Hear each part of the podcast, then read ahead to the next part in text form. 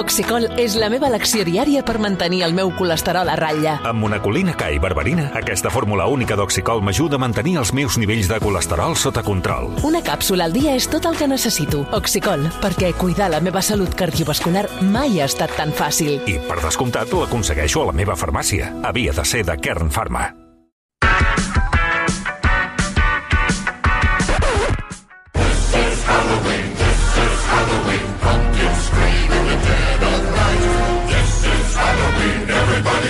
the Trip. Passen 10 minuts de les 10 de la nit, avui amb una sintonia més aviat curiosa del No s'ha parlat prou, amb especial, especial Halloween. A veure, ja tenim per aquí a l'estudi els dos del No s'ha parlat prou, el Carles Vité. Carles, bona nit. Molt bona nit. I la Llucia Ramis. Llucia, què tal? bona nit, Bona molt bé. nit. Deixa'm tornar a dir, molt bona nit. Ara sí, que t'hem t'hem sentit bé. Um, a veure, Carles, començarem amb, amb tu. De què no s'ha parlat prou?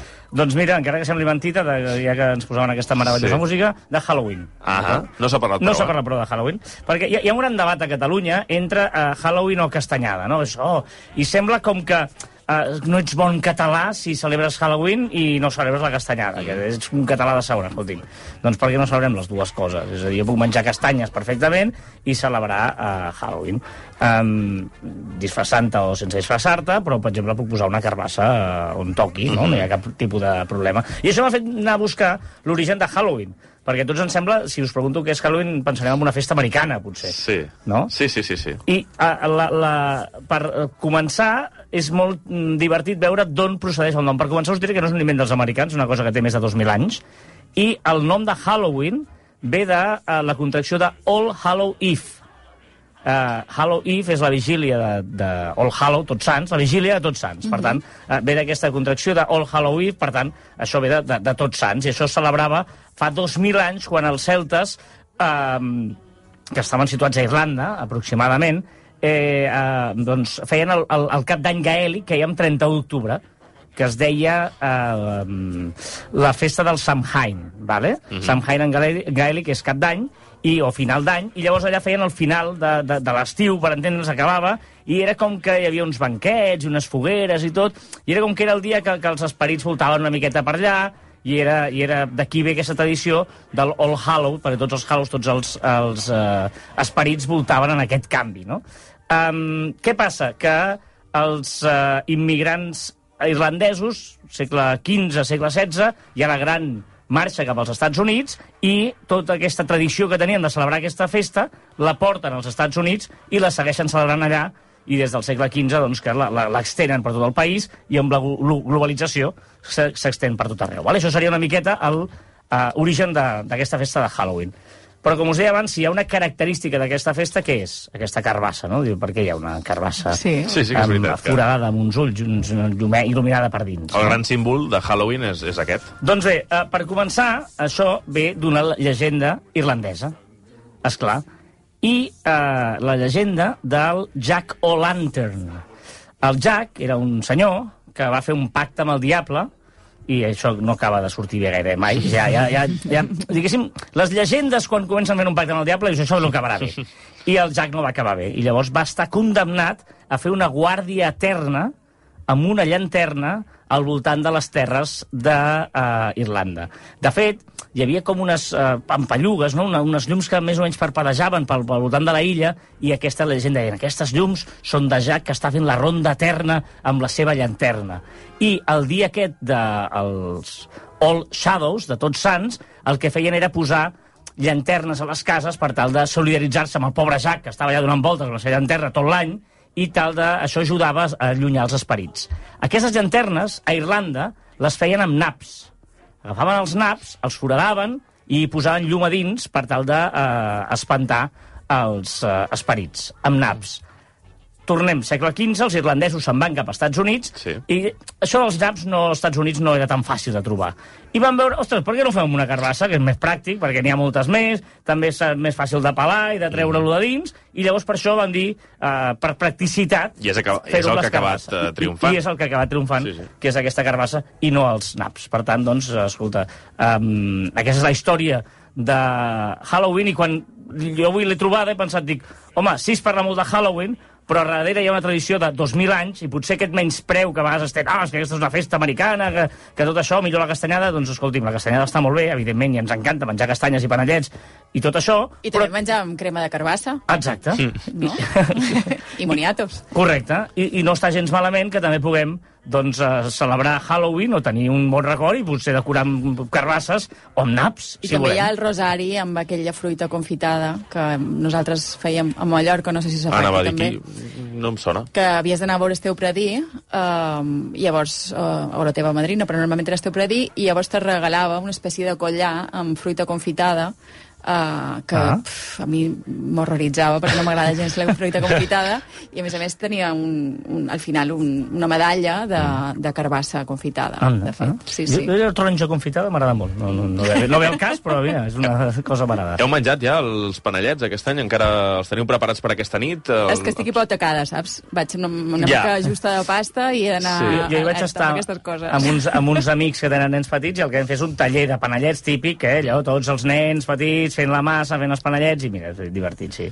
És vera que també, no sé, la gent parla molt malament del panellet i són ben bons. Sí, No? sí. Sí, sí. Sou dels clàssics o dels d'aquests ja més moderns? Ametlla, que- d'ametlla. No, no? eh, pinyons, Pi- ametlles... pi- sí, pinyó, sí, Està, està ja les coses aquestes modernes, jo no... no, no soc un tradicional. de Les tradicions són per alguna cosa, Correcte. no? Total. No hagués dit mai, però, Carles, que um, la tradició de Howling tenia més de 2.000 anys. Vaja, si, si, si em diuen, no sé, que, que és de l'últim segle, m'ho crec perfectament. Clar, sembla que sigui aquest famós invent americà que ho intenten portar cap Però aquí. és curiós però... perquè de seguida eh, té tant d'èxit gairebé que, com cap d'any, no? És a dir, comença sent un cap d'any Sí, sí, com correcte. a Irlanda i acaba tenint l'èxit d'un cap d'any perquè realment hi ha moltíssima de gent arreu del món celebrant el Halloween. Sí, sí. I tu ets dels que reivindiques que, que són compatibles les dues festes, Absolutament, no? sí. sí. Això és com la nocilla i la Nutella, tot és compatible, no? tot, el per, que sigui festa, triar, no? tot el que sigui festa és compatible, jo crec. Correcte. Um, vinga, va, Llucia, anem amb tu. Uh, de què no s'ha parlat prou? Mira, jo vull parlar d'això.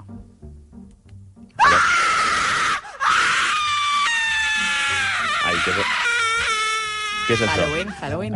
Ah, anava a dir, fa, fa patir ara aquest No sé si us heu fixat que aquests dies la graella, eh, sobretot a les televisions digitals, eh, s'omple d'ofertes de pel·lícules de por. Sí, sí, sí. I, I les pel·lícules de por és molt important. El guió, la història, una bona direcció, el so, el so, Hmm. el so, des de la música, l'ambient, hi ha uns crits convincents, no? Ara escoltàvem aquest crit esfereïdor. És Nashley Peldon, que és la reina del crit, es diu així, reina del crit, perquè ha participat en pel·lícules com Scream, la darrera, la de l'any 2022, a Jurassic World, a The Empty Man, el, el Hijo, Paranormal Activity, entre moltes altres, i ella no la veiem en cap moment, només la sentim. És a dir, que és una reina del crit perquè fa moltes d'aquestes pel·lícules com a actriu de crits. Aquesta és la seva feina, no? Uh, els actors de veu, sobretot els actors de crits, um, fan feina sobretot en els dibuixos animats, als videojocs, o quan un actor principal no té prou pulmó Per poder cridar, que bo. per cridar i per, per, per pegar un bon xiscle, no? I Nashley Peldon, de fet, no surt als crèdits. No surt No. en cap, en, ni com a screamer ni com a res. No, no hi surt perquè ha de signar un pacte de confidencialitat com si aquells crits... Eh, bé, tothom sap que, sap que és ella qui fa aquest crit, mm. però ella no pot, no, no pot sortir als crèdits de les pel·lícules. Quina particularitat tenen els seus crits per ser-ne considerada la reina? Doncs tenen un, un doble registre que fa que quan la sents es detectin com a dos sons diferents eh, al mateix temps, no? I els, eh, hi ha un altre aspecte, que és que ella va néixer, diu, amb el do de cridar bé, no? Fa un, un crit gutural, una mica ronc, pectoral, no? Eh, que, que és un crit molt dur, que sort de les pel·lícules de por, sobretot, i que eh, es pot, eh, es pot perdre, et pot fer perdre la veu si tu no estàs acostumat a, a, a cridar d'aquesta manera, no? Si ho fas moltes Clar. vegades, doncs acabes... Mm, Afònic, sí, clar, totalment. Però ella assegura que està biològicament dissenyada per fer-ho amb seguretat, que no li passa res. No és que tingui gaire cura de la seva veu, però un especialista, que és eh, laringòlogo, li va dir que té les cordes vocals d'un atleta perquè eh, aguanten molt bé i no mostren cap mena de desgast per més que cridi i cridi i cridi a les seves, a les seves pel·lícules. Carai. La Peldon va començar com a nena actriu, treballant amb la seva germana, va estar a pel·lícules i sèries de televisió, normal, eh? actriu normal i corrent, no, no era de so. Va rebre una nominació a l'Emmy per la seva participació i quan tenia 7 anys eh, va interpretar una nina maltractada amb un trastorn en un telefilm i hi havia unes escenes en què ella sortia eh, doncs, amb una ira incontinguda, havia de cridar de ràbia, i des de llavors es va guanyar la fama doncs, de això, no? Si necessites algú que cridi bé, truca a l'Ashley, no? I compta amb l'Ashley. I ella, bé, va començar a tenir feines com a actriu de veu, es va fer un lloc a, a la indústria dels videojocs i eh, res, eh, a partir d'aquí va començar la seva carrera com a, cride, com, com a reina del crit, no? com a cridadora. Cridanera. Cridanera professional. Sí, sí, no sé. I llavors, clar... Cridaire, potser, no? Seria cridaire? Sí, ho- mira, ho consultarem. El, el Servei d'Assessorament Lingüístic de rac a veure com, una com s'ha de dir. del crit. Clar, Sí. clar. Llavors, els actors i actrius de veus han de transmetre eh, l'emoció, el lament i la tragèdia, perquè no tots els crits són iguals Home, clar. i no tots eh, transmeten eh, el, el mateix. No? Ja diu que cada vegada cridarà menys perquè, perquè, perquè els directors estan centrats a fer personatges femenins forts, llavors ja no farà aquests crits de, de terror, de, de pànic, ja no farà això, però no li faltarà feina perquè eh, pot fer crits per monstres o actuar en escenes de lluita, no? Llavors, a ell li encanten eh, els llargs crits de mort, diu. diu que li agrada molt fer això. Enfatitza que aquests xiscles són molt més llargs del que duraria un crit humà i que això fa que els sonidistes eh, utilitzen una tècnica anomenada slitching, que és que fan enregistrar dos crits i els allarguen eh, de Ah, manera que siguin doncs, molt, que, que perdurin, no? I bé, ell explica que la seva filla també té aquest do de, de cridar molt, té dues filles i la gran es veu que li ha sortit així amb això, i a mi m'agradaria que escoltéssim alguns crits Sí. per veure aquest matís, no són, no, no són seus, eh? És Perquè, dir, té un ampli catàleg, diguem, de, de crits. però escoltarem crits per veure aquest matís no? de, de, del que què vos, eh, mm, què vos transmeten Sí, sí, aquests sí, sí, crits per- en cadascun dels casos, no? Uh, uh, per cert, que estaves dient això, que hi ha, no hi ha actors o actrius que no acaben de fer-ho. Jo recordo pel·lícules en què el que fan és utilitzar el recurs de silenciar-ho i veus la persona allò cridant, però sense so, que segurament no deuen trobar cap crit adequat o el que sigui, no? Tens la imatge, a vegades, ah, fent, com cridant, però està silenciat i, i et transmet aquella, no? aquella sensació de que està desesperat, però realment no sents el crit, Sí, no? sí, és vera. I ella és espectacular quan, la veus treballar, que pot, podeu Mm. veure vídeos, eh, quan la veus realment s'hi posa, està actuant Clar, clar, clarament, no? Està totalment ficada i és Va, va, molt, molt interessant. anem a escoltar crits, Anem a escoltar alguns crits. Ashley, Peldon, has dit? Sí. Ashley Peldon. Escoltem-la. building kind of scream rather than a you know blood curdling scream. But what makes that scream sound different from this one?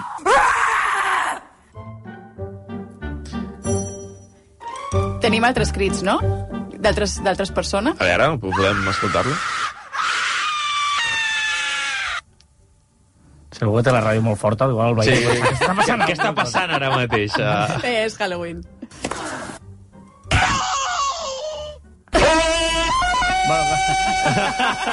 Aquesta ja no és... Aquesta és una altra història. Aquesta ja no, ja no és la senyora Peldon, eh? Hi ha hagut un crit de tennis, m'ha semblat? A mem?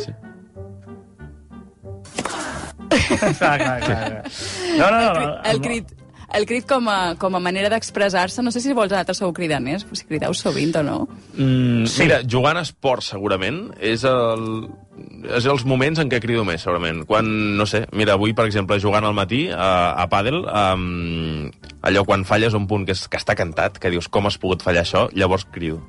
I en els partits de futbol m'imagino que també, Sí, sí, l'emoció sí. de, de l'alegria. Jo, jo crido quan uh, hi ha alguna cosa que no em surt, que allò que estàs amb l'ordinador fent la cosa i no funciona, o t'equivoques, o estàs atabalat i faig un crit de desesperació que el veí deu pensar, perquè treballo a casa, d'alliberar tota la... Ah! I llavors ja torno... Sí. Yeah. un crit d'aquests de, de, de... I llavors segueixo, però necessito de tant en tant fer un crit de- d'alliberament, de, de, ah, de treure'm quan una cosa no et surt. És bastant terapèutic, no, cridar? Sí. Sí. Jo la veritat és que he crit poc, que hauria de cridar una mica més. Descarregaria bastant. No, però és veritat que pensem en cridar, però clar, hi ha crits de dolor, hi ha crits de plaer, hi ha crits d'esforç, no? Clar, hi ha, hi ha un ventall de crits Hi ha molt veïns interessant. que criden. De pànic, de... Mira, avui, per exemple, a- ara recordava De a a l'informatiu, la Maria Cusons proposava que el Tibidabo, no sé quina activitat feien, terrorífica i tal. Clar, quan te'n vas a un parc d'atraccions també pots cridar per, per, per molts motius, Clar, no? Sí, sí, vaja, els, els crits, avui protagonistes, el, el no s'ha parlat prou. Va, Carles, uh, ho rematarem avui amb, amb tu. De què més no s'ha parlat prou? De l'estàtua sobrenatural de Manchester. Què és això? Estem una nit, una nit especial, no? doncs hem de veure coses sobrenaturals, ja, eh? ja fem el, el, el, el gir sencer. A Manchester hi ha un eh, museu d'història que té una estàtua egípcia de fa, des de fa més de 80 anys. Val? L'estàtua Neb Senu. Eh? I d'aquelles coses que no saps com, el Regne Unit eh, pues, pues la té. No? Diguéssim, una cosa que és d'Egipte, però que la història ha fet que la tingui el Regne Unit i no la tingui el que la va crear a Egipte. Però bé, això és una altra història. Bé, eh, l'estàtua Neb Sanu és una mena de figura humana que té una mida de 24 centímetres d'altura i va ser esculpida al voltant de l'any 1800 abans de Cris. Per tant, té més de 3.800 anys. Val? L'estàtua està dedicada a un funcionari de l'antic Egipte anomenat Neb Sanu i era una mena de mèdium espiritual de la seva ànima, que era una mena d'ofrena al déu Osiris. Vale? L'estàtua està tallada amb serpentina, una, pe- una pedra verdosa semblant al marbre. Vale. Com deia, fa més de 80 anys que pertany al Museu de Manchester i fa un any van decidir canviar la ubicació i posar-la a la planta baixa, en una vitrina a la planta baixa. Val? Fins aquí, d'allò. Què va passar? Que no li va agradar. Des de que van canviar d'ubicació, en aquella vitrina, l'estàtua girava sola. Què dius? Va, calla. Depenent... No, no, escolta. Depenent del dia, del moment, l'estàtua podia estar de cara o d'esquena i es movia lentament, tota sola, davant la sorpresa de tots els experts que van començar a investigar què passava, no? Devia haver rates o alguna així. Campbell Price, l'únic responsable, l'únic que tenia la clau de la vitrina, cada dia la posava bé i quan arribava a la nit, abans de marxar, i quan tornava al matí veia que l'estàtua s'havia mogut. I, i clar, és, és, era una cosa extraordinària. No? Van, van començar a cridar l'atenció, la gent venia a veure aquella estàtua que es movia, científics van començar a fer proves, teories d'energia que tenia posseïda de molts anys, càmeres, un programa de televisió va fer amb càmeres per tot arreu i efectivament veus, a més hi ha imatges i el vídeo, veus com l'estàtua Ah, sí, a eh? primera hora del matí va girant sola. I dius, però això com pot ser? Van repassar l'estàtua, no tenia res, cap... cap bueno, és, és uh, tot... No tenia cap suport a sota ni res, eh? Cap, no, no, de, de, tenia una estàtua impressionant i no s'havia mogut mai. Feia 80 anys que la tenia al museu. I quan la van posar al pis de baix va començar a moure sola. Una cosa Tenia un mecanisme que mirava cap al sol. Bueno, van donar voltes i voltes científics Més que estudiant... l'estàtua o menys que l'estàtua? No, no, no, bé, bé. I al final, un programa de televisió va decidir posar uns sensors a totes les habitacions a veure què pot caçar, que era, que era allò que produïa aquell moviment. I van trobar que aquell moviment que es produïa sobretot cada dia en hora punta era degut al trànsit, als autobusos, a la gent que passava, que feia unes vibracions Sí, home. que feia que l'estàtua es mogués. Ostres. Misteri resolt. I com diria el professor, uh, misteri resolt. Misteri resolt. Però van estar temps, mesos i mesos, durant vols científics, dient que tenia una energia, una màgia amagada de tot. Bueno, i clar, tot aquell senyor que la posava recta cada dia i tornava l'endemà i la veia d'allò.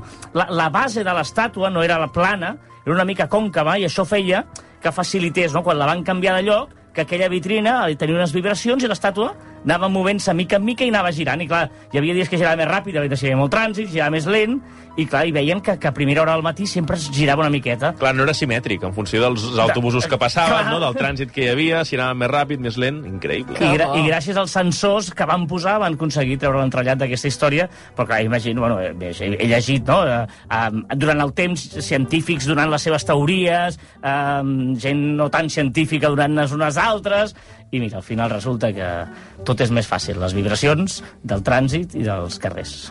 Doncs uh, fins aquí aquest uh, misteri. Aquest misteri que- Uh, mira, uh, ens queda un minut i mig abans d'acabar. Avui que és nit de Halloween i ara que el Carles posava um, aquesta estàtua sobrenatural de Manchester sobre la taula, no sé si algun cop a la vida us ha passat alguna anècdota sobrenatural, alguna experiència... Uf! Sí, eh? Sí? Sí, i tant. Ah, va, breument.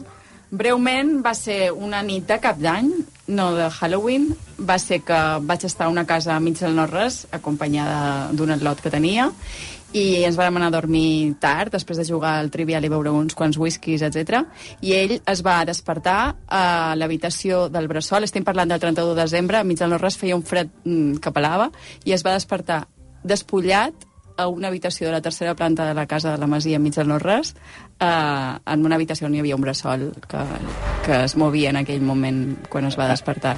Bé, bé, No està malament, no? Es pot el condicionant que hi havia uns whiskies entre mig, eh? Perquè igual, això... Ja, però que dormia en terra, dormia en terra. Es va, Ah, va despertar dormint en terra. Bé, bé, bé, no sé. Continuarà. Aquesta seria una de les bones. Jo mai, mai, no, no, no. No hi crec gaire i, per tant, tampoc ajudo a que hi passin coses. Mira. Carles, Llucia, que vagi bé, gràcies. Que vagi bé. La setmana que Adéu. ve. I abans d'acabar, com sempre, amb el uh, Joan Torres, uh, de què parlarà uh, demà el sort al món RQ? Doncs de l'increment de preus dels productes de consum i per fer-ho entrevistarà Elisabet Ruiz Dotres, professora de Finances de la UOC. Això el dia en què caldrà estar atents a l'operació tornada del pont de Tots Sants i a la vaga de Vueling. Demà no hi ha no ho sé i dimecres torna la Champions a RQ amb el Jaume Molló capdavant. Nosaltres hi tornem dijous. Que vagi bé, bona nit.